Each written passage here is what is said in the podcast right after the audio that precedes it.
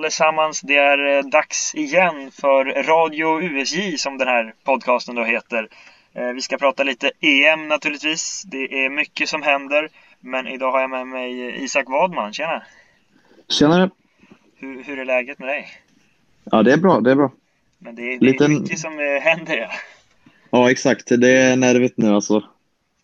Ja, och vi kan väl egentligen bara börja med det stora, den stora snackisen den senaste, de senaste dygnet här då. För att vi spelar då in eh, eftermiddag, nästan kväll då, onsdag.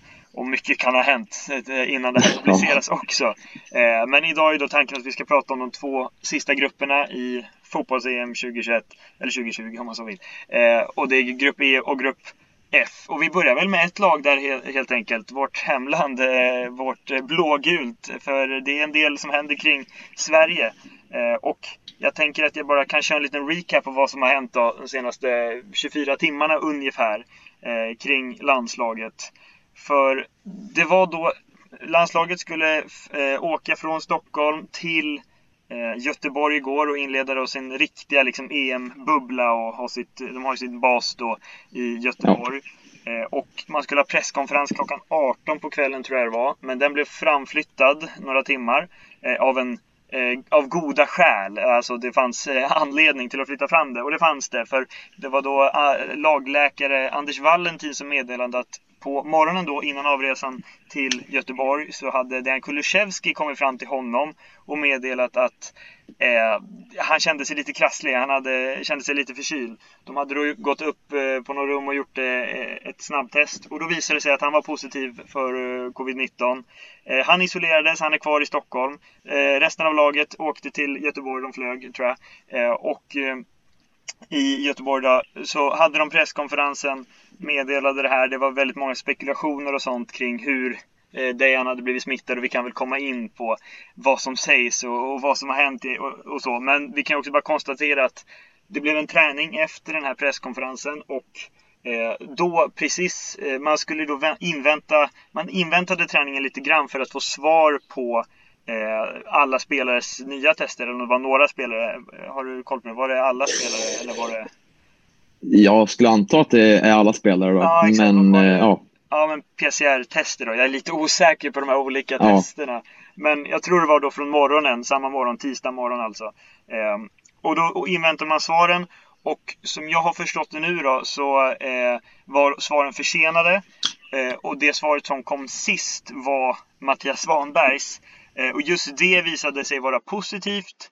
Eh, och eh, då var det en kommunikationsmiss som gjorde att man kunde man satte igång träningen. Men bara efter en liten stund då så var man tvungen att plocka av Svanberg eftersom han var positiv. Han fick lämna efter lite samtal med Anders Valentin och någon annan med en golfbil tror jag och, och isolera sig Ja. såklart.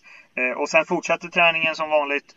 Och sen eh, så har det under natten då så hade de någon slags krismöte och kom på nya åtgärder och nya restriktioner som de skulle följa. Och sen idag har de haft en ny presskonferens eh, där de har förklarat lite mer utförligt vad som har hänt för det var väldigt mycket som var oklart igår. Eh, men jag, ska vi bara börja där? Isak, vad säger du om allt det här kaoset som har varit kring, kring Sverige? Ja, det blir väl som lite karma. Alltså, Spanien då fick ju busket först då, och sen eh, nu slår det tillbaka på Sverige då. Men eh, ja, det är helt klart oroväckande så här nära inpå och eh, Dejan Kulusevski är ju en av de som ska göra det för Sverige i den här turneringen och eh, eh ja, det är helt klart ja, läskigt får man väl säga. Ja, men det finns, det finns ju mycket att säga om det här. Eh, Och det finns ju såklart ett eh, sportsligt perspektiv, ett liksom smittskyddssäkert perspektiv och eh, etiskt Ja. perspektiv och allt sånt där. Men vi, vi kan väl lämna det sportsliga ett tag och komma in då när vi mer ska prata om truppen i helhet sen. Och, och Sverige och förutsättningarna. Men jag tycker att det finns så många saker man känner sig frågade inför här. För att för det första, varför gjorde man inte som Spanien Eh, när de fick Busquets då som eh, coronapositiv, varför valde man då inte att isolera hela laget direkt? Varför, eh, Ja. varför eh, hade man en träning ens? Visst, det var en kommunikationsmiss då verkar det som mellan eh, några ledare att träningen satte igång när man fick Svanbergs svar. Men på träningen så hade de ändå en träning. Vad jag har hört också var att träningen var lite annorlunda. De hade inte jättemycket närkontakt. Och visst, det var så här att, eller utomhus är det ju svårare att smitta och så. Men det känns fortfarande som att de liksom eh, inte tog det så seriöst som de kanske bör gjort, eller vad säger du? Eh, ja, det, det, ska, det tycker jag också. Alltså, särskilt inför ett sånt här stort mästerskap så måste det vara liksom, eh, högsta liksom, beredskap. För att eh, Sverige har inte en lika bred trupp som till exempel Spanien då, och Spanien gör det ju ändå bättre. Liksom. Eh, så att eh, nej, det här skulle de gjort mycket bättre. Så, exakt som Spanien och isolera eh, laget. Och jag tycker att det skulle varit en mer liksom eh, eh mer eh, isolerat inför också att eh, ha liksom mer tajta restriktioner innan eh, samlingen också. Ja men exakt, för att eh, Spanien då, vi kommer ju prata om, eh, om dem mer sen. Eh, men de har då skapat någon slags eh, parallell bubbla med spelare som eventuellt kan komma in i landslaget om man måste ta ut spelare på grund av covid-19. Det var också därför trupperna blev större från början, för att spelare kan falla bort av den här anledningen.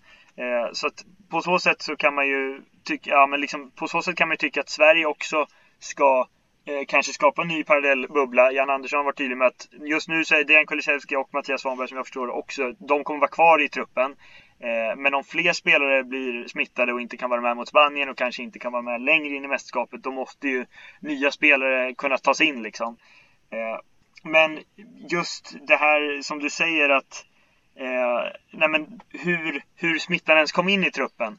Eh, För det var ju länge väldigt många spekulationer, främst på sociala medier, att Dejan Kulusevski under den här ledigheten då, som var mellan bubblan i Stockholm och Båstad och eh, bubblan nu innan eh, matchen mot Armenien i Stockholm och senare nu i Göteborg. Hur, att han har då Eh, vi kan väl till att börja med säga att det var länge så att medier, liksom traditionella medier, inte rapporterade så mycket om det eftersom de inte hade så mycket information om det.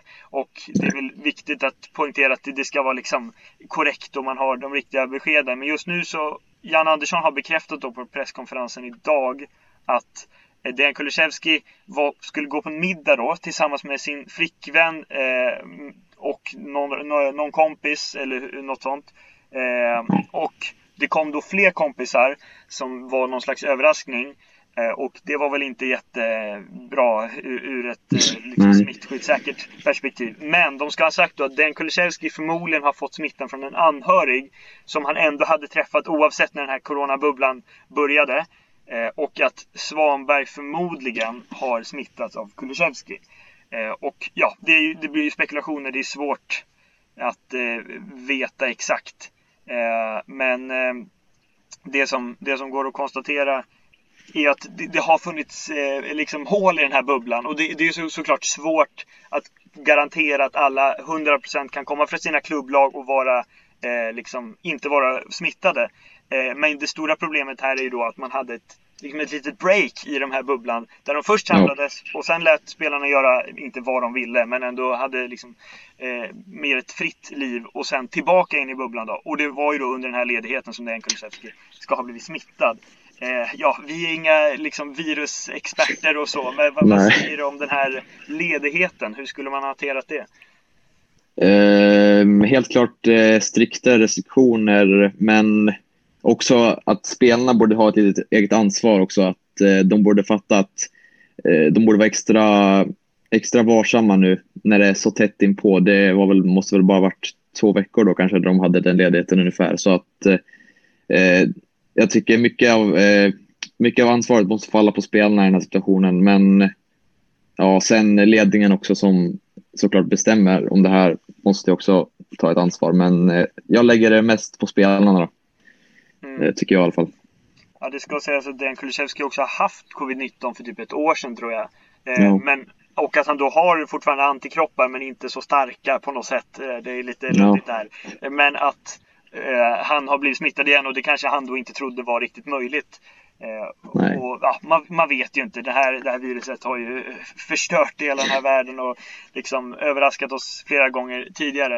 Eh, men det jag också kan tycka är lite konstigt är att när man vet att Svanberg har blivit positiv, att jag har sett bilder på att han sitter och pratar med Anders Valentin till exempel. Visst, de har munskydd, visst det är utomhus, men de sitter med kanske en, två meters avstånd. Det, alltså, det är inte jättenära ja. så och han fick åka iväg med golfbil och så. Varför tar man inte större liksom, hänsyn till att här har vi verkligen en, eh, en coronasmittad som enligt också Valentin idag då, hade ganska låga nivåer så det är kanske inte så troligt att han smittar många. Men ändå att här har vi en spelare som potentiellt kan förstöra hela Sveriges EM-chanser om det, vi inte hanterar det här rätt. Och då går han runt och pratar med gubbar i 60 plus åldern liksom. Det känns inte jättesäkert liksom. Nej. Och sen, eh, jag kommer att tänka på det här, jag såg ju Sportbladet lade ut någon litet klipp där Mattias Svanberg satt med Pontus Jansson som också oh. har haft lite eh, känningar nu så att det kan mycket väl vara så att Pontus Jansson blev smittad av Svanberg då. då. Eh, så att det, det blir som någon slags dominoeffekt här som inte är så trevlig. Nej. Eh, nej. nej. men exakt. Det är ju, det, och de har ju fortfarande, landslaget har ju då fortfarande samlats. Eh, de har haft genomgångar med lite mer liksom uppdelningar nu. Eh, idag som jag förstår men de har ändå fortsatt. De har tränat eh, idag också. De har haft genomgångar. De har ju genomfört vissa aktiviteter liksom. Eh, så det är ingen eh, total karantän och isolering som, som spanjorerna gjorde. Och det får man tycka vad, vad man vill om. Eh, men det, det är så mycket som vi inte vet nu också. Och det är så mycket som vi kommer att veta om en vecka eller när Sverige spelar mot Spanien. Ja. Men, och det är så mycket som kommer att hända. Så att den här, det här avsnittet kommer ju vara historia känns det som när, vi, ja. när det kanske publiceras. Men men, ja, vi, vi, får väl bara konstatera att det finns en del frågor att ställa och kanske gå in då på det mer sportsliga. Eh, och ta, ta Sverige då. Eh, för du var inne på att visst, Dejan Kulusevski är kanske ja, men en av våra största stjärnor, absolut. Eh, Svanberg är kanske inte ordinarie, men det är heller inte den min, eller mest oviktiga spelaren. Han har haft en bra säsong i, i Bologna. Men om vi tar först då, Kulusevski ut mot Spanien, det är bekräftat. Vad innebär det för den potentiella startelvan mot Spanien?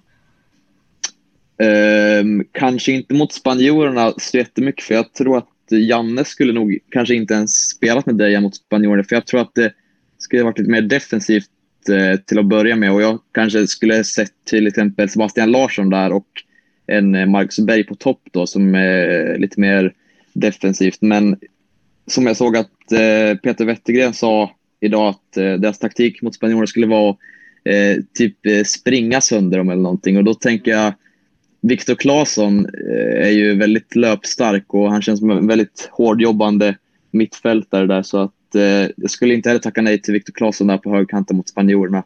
Eh, men det är väl eh, mest hur de vill attackera den här matchen. Om de vill eh, sitta av lite eller om de vill liksom gå för att göra målen eh, ja, direkt. Ja, Spanien mot, eller matchen mot eh, Spanien blir ju som sagt högintressant och som ni har förstått så är Sverige och Spanien i samma grupp, grupp E, tillsammans med Polen och Slovakien då och de kommer vi in på mer senare. Men vi fortsätter då vid, vid Sveriges potentiella startelva för det har ändå varit, det var ganska så tydligt kändes det som inför senaste mästerskapet VM 2018 att det är de här 11 spelarna som ska göra det på plan. Nu har det funnits lite frågetecken i backlinjen.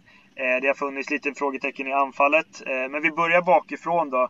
Eh, Olsen i mål, det är väl... Det är väl ja, självklart. självklart. självklart.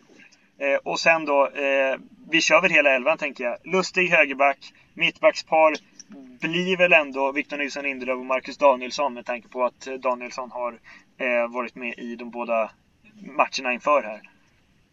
Ja, det verkar så. Och Danielsson, han, han gör ju mål också. Så att eh, det kan ju vara viktigt att ha på fasta situationer, till exempel mot eh, Spanien. Där kanske det behöver avgöras på det sättet. Eh, ja. Ja, och till vänster är det ju förmodligen eller det där är ju lite oklart ja. faktiskt. För att, eh, jag, jag, tror ändå att Ludvig Augustinsson, på de uppgifter jag har sett, att han ändå är spelklar och det är ändå flera dagar kvar nu. Men det är ändå lite frågetecken med tanke på att han inte har spelat några matcher nu i, i landslaget inför. Det har Pierre Bengtsson gjort som inte ens var tänkt vara med i EM-truppen från början. Eh, men tror du Augustinsson eller Bengtsson? Om Augustinsson är eh, spelklar så måste det vara han. Men Bengtsson, han har ju inte spelat dåligt när han har spelat så att eh, ja, men Augustinsson är ju självklart första valet då, men eh, vi får se hur det blir. Ja. Eh, det, det, kan väl sägas också att Martin Olsson var tänkt som den andra vänsterbacken i den här truppen, men han var också skadad eh, och kan inte följa med till EM och därför blev Pierre Bengtsson inkallad. Det har varit många skadeproblem och nu Corona för Sverige. Det är inte en perfekt uppladdning inte. Nej, eh, absolut inte. Och eh, jag bara tänkte lite på Martin Olsson. Egentligen, vart har han spelat? Helsingborg var sista jag uppfattat att han spelade i, men vart har tagit, eller vart har tagit vägen sen? Liksom? För att, jag tycker att i så fall borde väl Pierre Bengtsson vara före han i hackordningen, men eller jag vet inte vart han har spelat eh, den här säsongen, vet du? Ja, nej, men jag tycker väl också att det var lite konstigt att Martin Olsson var med. Eh, för Pierre Bengtsson då har ju spelat i FC Köpenhamn ganska länge, ja. men har blivit lite petad. Och, och sen så blev han eh, utlånad till Vejle i danska ligan. Eh, men mm. där, har jag, där tror jag ändå att han har fått en del speltid. Eh, Martin Olsson å andra sidan, han har ju spelat i Häcken lite grann nu. Han har ju gått dit efter okay, ja. Helsingborg. Men jag tror också att han har varit skadad. Så det har varit många skadeproblem på Sveriges vänsterbacksposition. Eh, men vi, vi får väl säga helt enkelt att Augustinsson lär starta om han är frisk och kry och eh, inte ja. skadad. Så är det. Så är det. Och mittfältet då är också intressant. Det är väl ganska uppenbart att Emil Forsberg i samtliga EM-matcher om det går kommer spela ute till vänster. Absolut, det är givet. Nästan en av de givnaste platserna på planen eh, som ska fyllas ut där. Men, eh, och han gjorde det väldigt bra senast mot Armenien så att han verkar vara i toppform. Helt ja. klart. Ja, men han är en av våra viktigaste spelare, om inte den viktigaste spelaren. Ja. Om vi ska kunna gå långt och kanske luckra upp lågt stående försvar, kunna hitta på saker i kontring mot bättre lag i, i den här turneringen. Men vidare då på mittfältet så är det inte heller självklart. Jag skulle väl ändå säga att det är ganska självklart att Albin Ekdal startar. Eh, ja. Eh, jag gillar också Ekdal. Han är erfaren, han är ledare, han, eh, han vet hur man ska spela i Jannes system och ja, han, har, han bringar en hel del erfarenhet och är alltid stabil när han inte är skadad, som han var lite förr i tiden. Men ja. ja man vet aldrig med Ekdal alltså. Nej. Det, något, det blir något korsbandet eller något. Nej, ja. men eh, sen blir det lite mer intressant. Eh, för vi har då Kristoffer Olsson på ett centralt innermittfält. Sebastian Larsson kan spela där. Sebastian Larsson kan spela ute till höger. Viktor Claesson kan ja. spela ute till höger. Dejan Kulusevski kan också spela ute till höger, även om han nu blir, har blivit mer anfallare. Han kommer ju då inte vara mot Spanien. Eh, och det gör väl att det står den här, de här två ytterligare platserna på mittfältet står eh, mellan Larsson, Olsson och eh, eh, Claesson. Jag tror, jag, jag skulle säga ändå att att Kristoffer Olsson kommer starta samtidigt som jag känner att Sebastian Larsson mot Spanien också känns ganska givet med tanke på hans defensiva egenskaper. Jag tror snarare då att det kanske är Viktor Claesson som visst är en eh, Janne-favorit och en, liksom en gnuggare men ändå att han har haft en lite dalande form nu i både Krasnodar och i landslaget. Att det kanske är han som får, ja men kanske i hela EM-turneringen, men det är han som får börja på bänken. Eller vad, vad säger du om det? Ja, eh, Sebastian Larsson eh, Ja, jag skulle faktiskt vilja ha han på ett eh, mittfält mot Spanien. Som sagt, som du säger, med hans defensiva egenskaper. Och sen skulle jag vilja se Claesson där som en hårt arbetande ute på kanten. Då, upp och ner. Och sen, han kan ju, han kan ju komma igång, det vet man aldrig. Så att, eh, jo, men jag säger Larsson och eh, Claesson då. Okej, okay, ja men det, det, det, är intressant ändå. Det, det, på ett sätt var det skönt att man visste inför VM att det här har vi. Det är förmodligen så här det kommer att se ut. Men det är även intressant när, när flera spelare konkurrerar såklart. Och det är ju bra för landslagets kvalitet naturligtvis. Ja. Eh, men, men anfallet då? Är, det, är de två platserna givna? Uh, ja, jag är lite kluven alltså, men Isak är given helt klart. Och sen är det ju den andra platsen där och jag skulle ändå kunna se Marcus Berg gå in där och Jordan Larsson. Nu är Kulusevski ute ur contention då, så att... Eh, men jag säger, jag säger Berg. Jag glöm inte bort Quaison heller. Som Just det, Quaison, absolut. absolut. Ja, ja men, absolut. Det känns väl som att alla kan få speltid i alla fall på något sätt. Eh, men jag tror också, ja. jag tror väl att Berg och Isak är de som kör mot Spanien och kanske hela turneringen. Men särskilt mot Spanien att Berg får, får kliva upp där med, med hans kvaliteter. Ehm, men ja, då har vi väl en typ en potentiell elva då. Ehm, och ja. Eh, vad säger vi om övriga truppen? Det var ju lite diskussioner eh, när Zlatan inte kunde vara med. Det är naturligtvis en stor snackis för, för Sverige. Vad hade han betytt om han var med eh, i det här landslaget? Ja, han har betytt mycket alltså. Ledare på och utanför planen. Eh, du har en, eh, ett väldigt hot i straffområdet där du kan slänga in en boll och det antagligen blir mål. Eh, fasta situationer. Han kan, han kan slå frispark, han kan slå straffar. Eh, alltså, du har en väldigt bra en uppspelspunkt också som du kan fortsätta spela eller höja upp spelet på banan då och sen, men han är bara en väldigt bra nia i straffområdet liksom, som du kan slänga in bollar på. Ja, eh, och han ger en dimensions och en nivå som inte någon annan har i det här landslaget riktigt. Ja, absolut. Även om han har kommit till åren. Men har du några sista ord om Sverige? Eh, om övriga truppen eller om något annat? Det finns en del att, att snacka om som ni nog har märkt. Eh, innan vi går vidare till något annat lag. Nej, alltså jag är fortsatt optimistisk men den har ju, optimismen har ju sänkts. Eh, inte markant men ändå en del efter alla de här eh, allt det här dramat de senaste timmarna. Ja, det är ju förståeligt. Eh, men ska vi gå då till motståndarna i den här coronamatchen eller vad, vad det blir? Ja. Eh, spanjorerna som är väl ändå, de är, de är ju favoriter i den här gruppen, men det har varit mycket snackisar, inte bara om Corona kring dem, utan mycket kring trupputtagning, kring, eh, ja men att han, Luis Enrique då inte har tagit ut 26 spelare som jag har förstått, utan bara 24. Ja. Av någon anledning, för att han ville att gruppen skulle vara mer sammanhållen eller något. Eh, men nu visar det då sig att han, eller, har jag förstått det rätt, om han nu inte kan ta in mer än 24 spelare, eftersom han från början bara tog ut 24 spelare?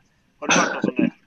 Jag har inte hört något, men det skulle väl mycket väl kunna vara så. Alltså, eftersom han då har han ju en uttagen fast trupp som han själv har tagit ut då, som är fastställd då. Så att eh, det kan mycket väl vara så att han inte får eh, ta ut några fler, två stycken till då. Nej, nej, och det blir väldigt misslyckat ifall det är många som blir coronadrabbade nu liksom. Eh, men hur som helst, du, du, har skrivit om den här gruppen i din genomgång ja. för. Vad, vad har du för allmän temperatur på Spanien?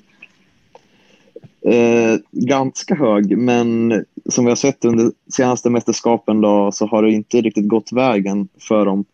Varken i Eh, VM 2014 eller 2018.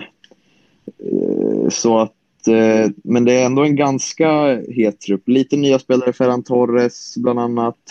Gerard Moreno har väl inte varit med så mycket förr och sen eh, så att det är ett ganska hungrigt lag, skulle jag säga, på nya framgångar och eh, eh, jag känner att det kan, eh, det kan ändå vara något på gång här, men det ska också sägas att det finns väldigt många andra bra lag som jag skulle klassa bättre än dem den här turneringen, så att eh, det kommer bli svårt, men de har ju alltid varit en bra trupp att jobba med.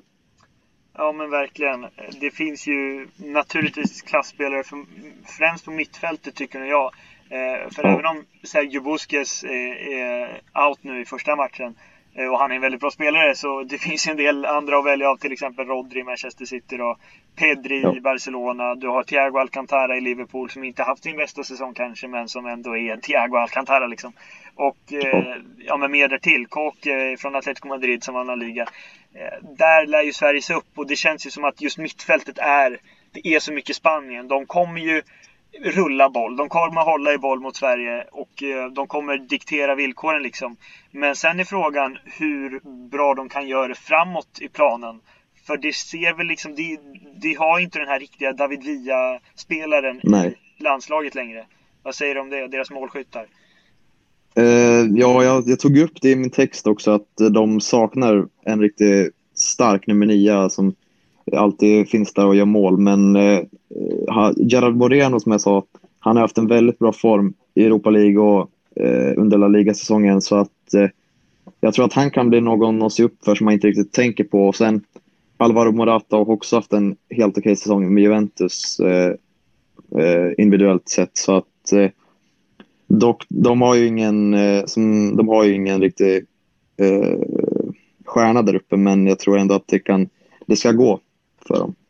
Ja men exakt, det finns en del spelare som har potential att kunna liksom få sitt genombrott i EM, till exempel Dani Olmo då, i, i Leipzig eller ja. Ferran Torres som visserligen spelar i Manchester City men ändå är ung och inte riktigt har kommit igenom, eh, som du snackade om. Eh, men det känns ändå som att ja, de, de, det kan bli succé. Det är Spanien. De ska ju vinna den här mm. gruppen, så enkelt är det ju. Eh, men det, de är fortfarande inte på uh, riktig toppklass i det här mästerskapet och kanske utmanar om titeln. Vad säger du? Eh, nej, det, det ska bli svårt för dem att kanske ens ta sig, eller semifinal kan de ta sig till, men finalen tror jag utom deras räckhåll. Alltså, de, eh, eh, de har inte en sån stjärnspäckad trupp som de andra lagen har så att de ska kunna ta sig till final. Eh, men ett brons kanske de kan vara hoppsamma om, men eh, inte mer än det tror jag. Men ja. Eh, så, ja. Nej, men det låter bra. Det ska ju sägas att de har ju fördelen av att spela på hemmaplan. Den här matchen. Så är det. Eller alla deras matcher skulle ju ha spelats i Bilbao till en början. Ännu mer kaos i Grupp E här. Men som jag förstått det så kunde man inte i Bilbao på San Mamés då Eh, garantera att tillräckligt, många, tillräckligt mycket publik eh, ska kunna komma in som Uefa vill för att de ska kunna få pengar för det här mästerskapet och, och så vidare. Eh, utan istället flyttades, eller har alla matcher i Spanien då flyttats eh, till eh, La Cartuja i Sevilla. Den tredje mest kända arenan där. För det är inte Betis hemmaarena, det är inte Sevillas hemmaarena, utan det är någon Olympiastadion som, till något OS som de inte ens har haft. För Sevilla har aldrig haft OS. Eh, men hur som helst, där kommer Sverige spela på eh, måndag då. Eh, och ja, vilken match det blir med så, så mycket kaos och så. Men det är väl lika bra att, att lämna Sverige först och, och Spanien nu och gå vidare till de två andra lagen i gruppen som det kanske inte är riktigt lika många rubriker om. Eh, men eh, det finns ändå en del att säga om eh, Polen, tänker jag. För att vi pratade anfall nu med Spanien. De har en anfallare som, som missar mästerskapet. Vad, vad har du hört om det? Ja, Arkadiusz Milik. Det är ju, han blir borta då. Knäskada efter sista ligomgången med Marseille där då, men de har ju Lewandowski. Så att det ska nog inte vara några stora problem där. Gjorde 41 mål under ligaspelet och slog Gerd Müllers rekord och kan ju ha varit hans bästa individuella säsong någonsin kan man ju föra fram tankar om. Och sen, de har ju, det är inte bara anfallet de är bra i, de har ju formstark eh, Zielinski där på mittfältet, 10 mål, eh, 11 assist i alla tävlingar i Napoli. Så att eh, eh, det är helt klart en stark offensiv eh, kraft Polen har. Och sen har de två bra målvakter också i Chesney och Fabianski. Så att eh, det är inget det är inget dåligt lag, absolut inte. Nej, Polen blir ju ett lag att eh, se upp för. Och det just bör betonas Robert Lewandowski som kanske är hela världens bästa fotbollsspelare. Han, eh, det var ingen Ballon d'Or-utdelning förra året, men han fick ju då Fifas The Best. Och är ju, ja men kanske det, alltså den bästa nian i alla fall i världen. Eh, och just det här med Gerd Müllers rekord då, i Bundesliga som han nu har tagit. Det imponerande är ju att han har inte spelat alla matcher. Han missar väl, vad sa du, var det 29 matcher eller? Eh, jag är osäker på hur många matcher det var, men det är ju, han, du har ju rätt att han missade ju en del matcher där, så att det gör det ju ännu mer eh, otroligt ja. att han lyckades slå det. Ja men exakt, eh, och det är ju så ruskigt imponerande. Eh, men eh, det jag tänker också med det är att ja, han har ju varit skadad nu under våren. Det gjorde kanske bland annat att Bayern München åkte ut i, i Champions League. Eh, ja. eh, Milik är skadad, kommer missa EM. Det lär inte Lewandowski göra. Men han är väl helt eh, frisk nu så. Men eh, till exempel Piotr Zielinski då, har ju också varit lite småskadad här. Så det finns lite mm. skadeproblematik i det polska landslaget. Och det kanske är bra om vi ser några ljusglimtar för Sverige. Eller vad, vad säger du om det? Ja, absolut. Zielinski, han är ju faktiskt eh, underskattad som mittfältare. Så, eh, mer offensivt inriktad och kan, väl, eh, kan ju helt klart vara avgörande för och om de ska få upp några bollar till Lewandowski där. Och, så att eh, det är helt klart en fördel för Sverige då, när man ska möta Polen som eh, antagligen kommer anfalla från första början.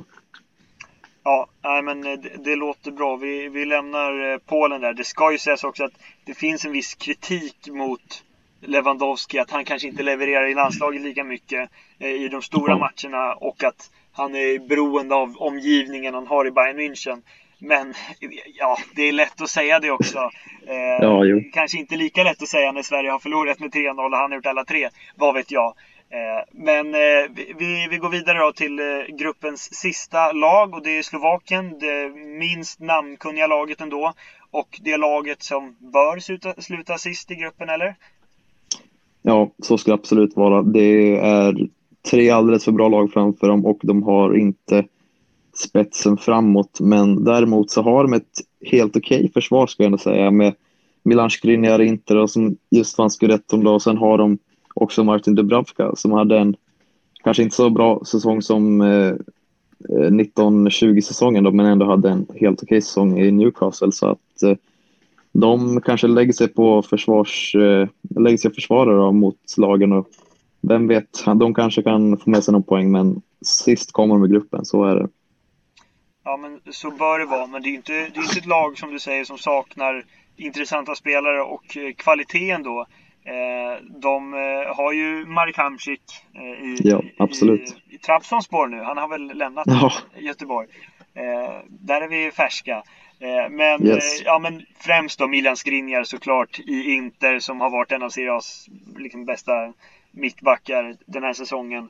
Eh, och en pålitlig målvakt ändå, Dubravka. Han har väl konkurrerat mm. med, med Darlow den här säsongen i Newcastle, eller hur ser det ut där? Eh, ja, det var ju, han var ju skadad i början där och då gjorde det ju Darlow det bra så att eh, han såg väldigt stabil där ute i början av säsongen. Men sen kom ju Dubravka tillbaka och då blev det väl eh, mesta delen av speltiden gick till han då. Ja, eh, nej men jag känner ändå att det är inte dödens grupp Sverige hamnar i, men det finns kvalitet Nej. i alla lag. Vi har inte fått eh, Finland i vår grupp om man säger så. Exakt. Eh, med all respekt för Finland då. Eh, men jag tänker att vi, vi kan säga några avslutande ord om gruppen i sin helhet och kanske vad vi tror egentligen.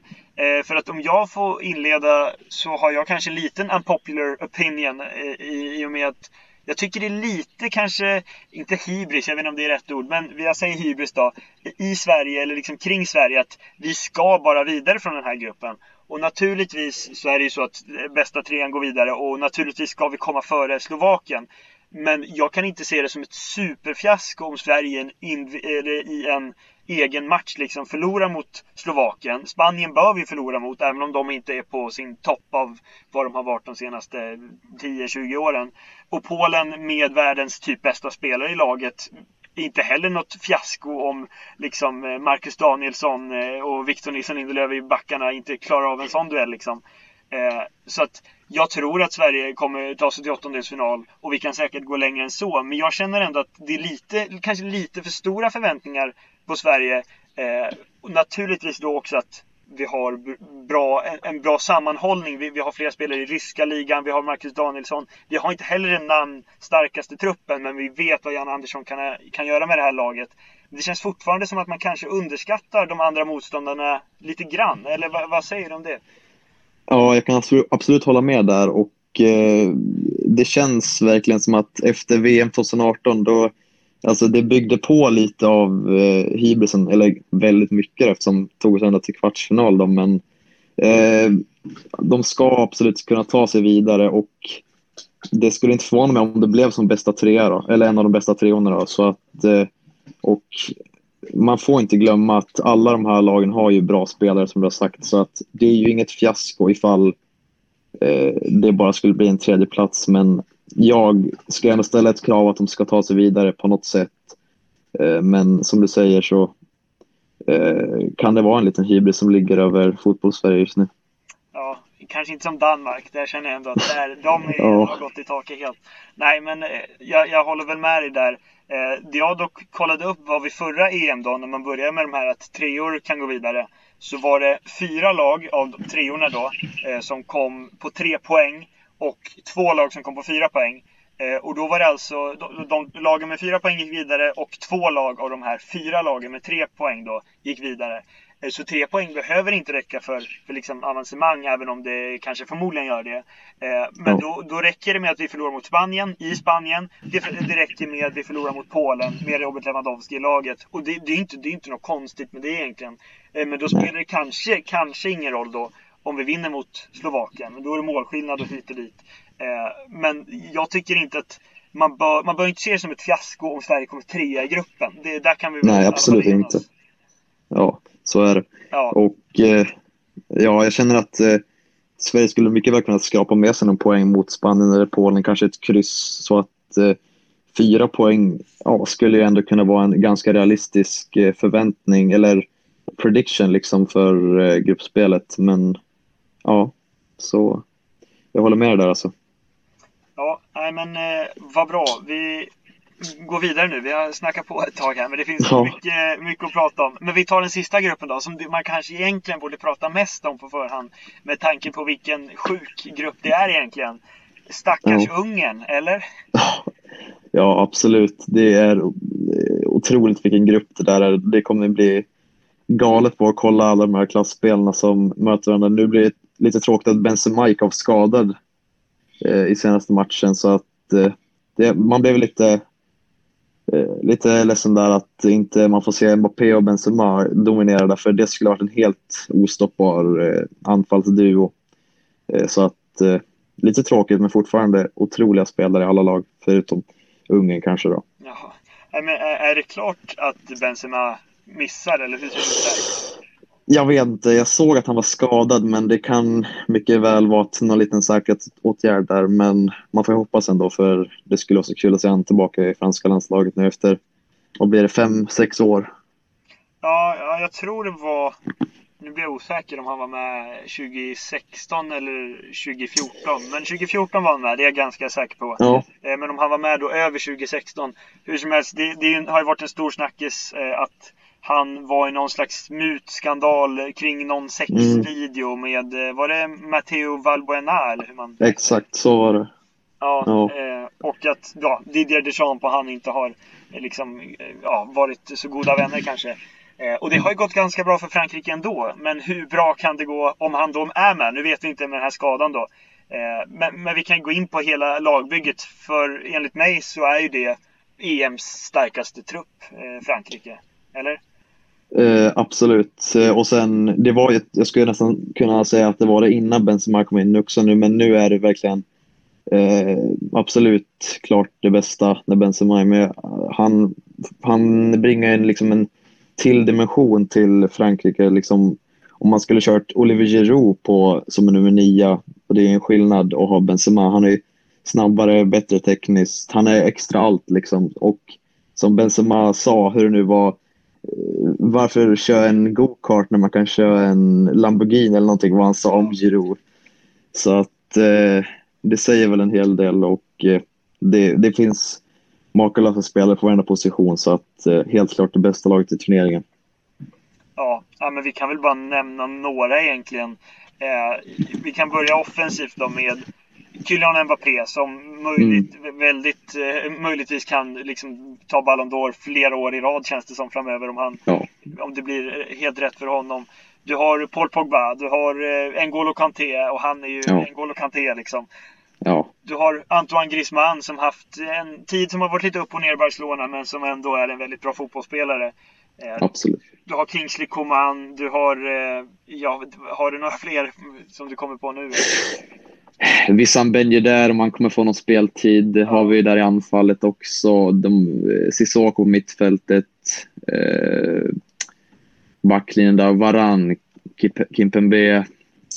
Dini som har haft en, eh, hade en bra säsongsinledning. Everton kanske dippar på slutet, men fortfarande en bra offensiv ytterback.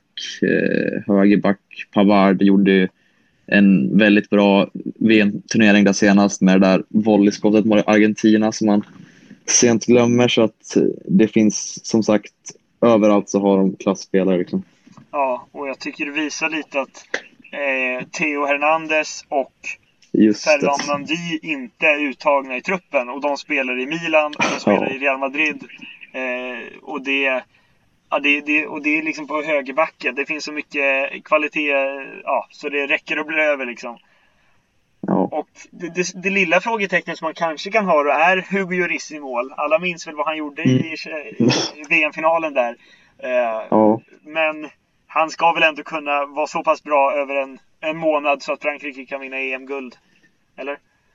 Ja, absolut. Han ska kunna göra eh, min, eller mindre bra säsong i Tottenham då, men han är ju han är en bra målvakt, det ska ju sägas. Och, eh, försvararna framför han är också väldigt bra så att eh, det ska nog inte vara något större problem där.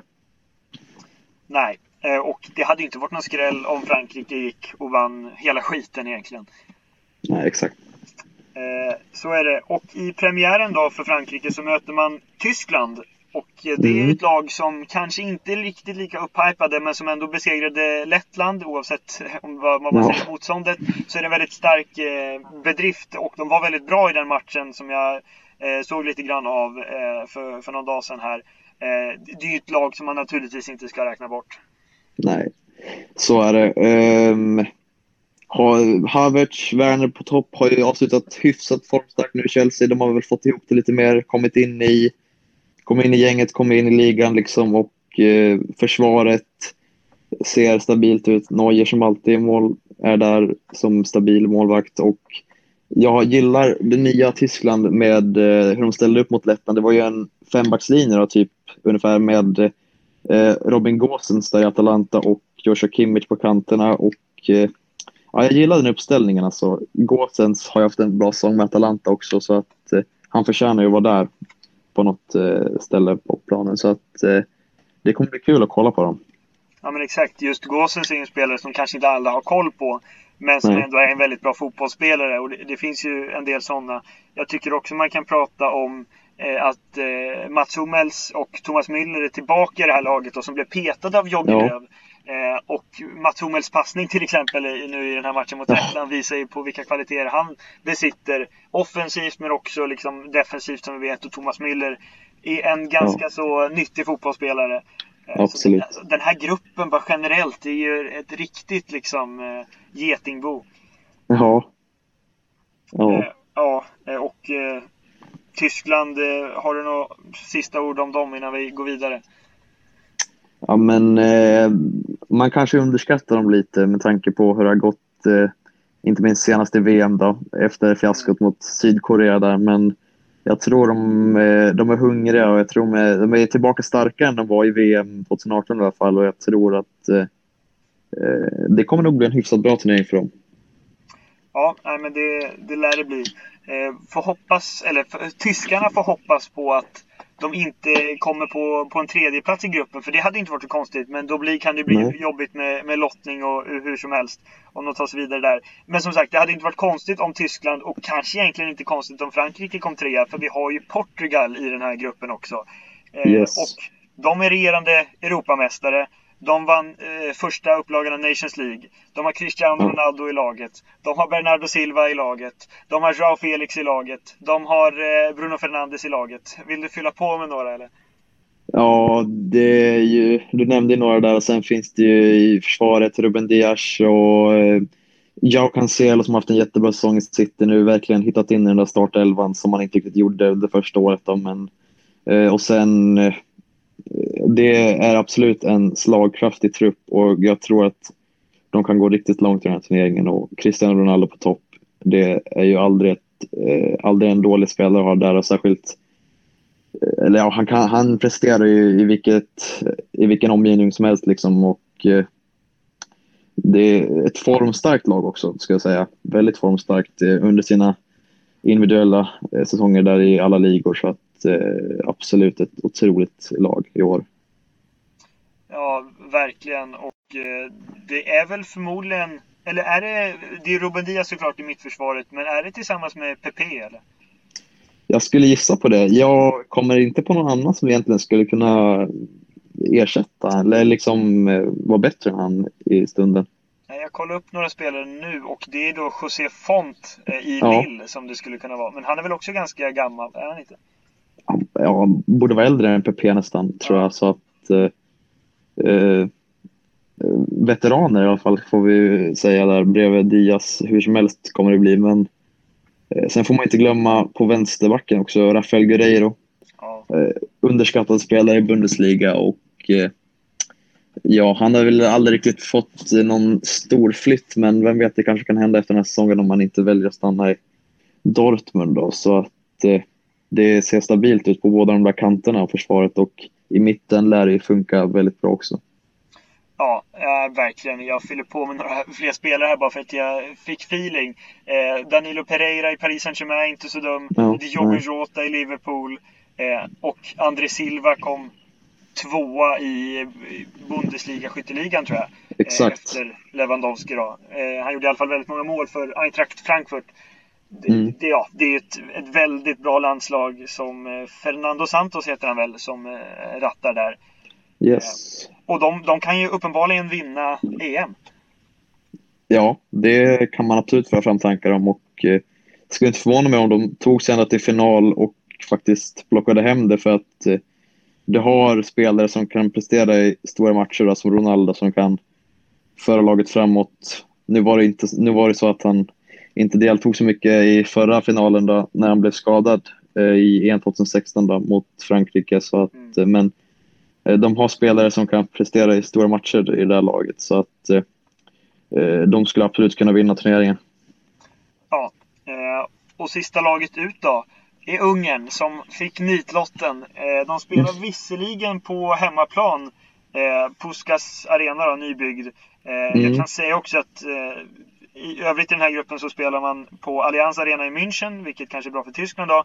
Och i Sveriges grupp så spelar Sverige matcherna mot Slovakien och Polen i Sankt Petersburg.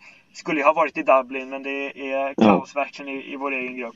Hur som helst, Ungern eh, lär ju, de, de känns väl eh, lite, ja, deras position känns lite bestämd på förhand, eller? Eh, jag skulle säga att det är den mest givna gruppplaceringen i, i hela turneringen och ja.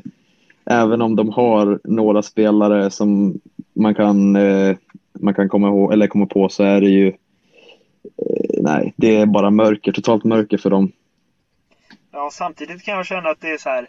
Visst, de tog sig via eh, Nations League playoff var det väl mot Island tror jag i höstas att de lyckades ta sig ja. till EM och de har ju verkligen ingenting att förlora.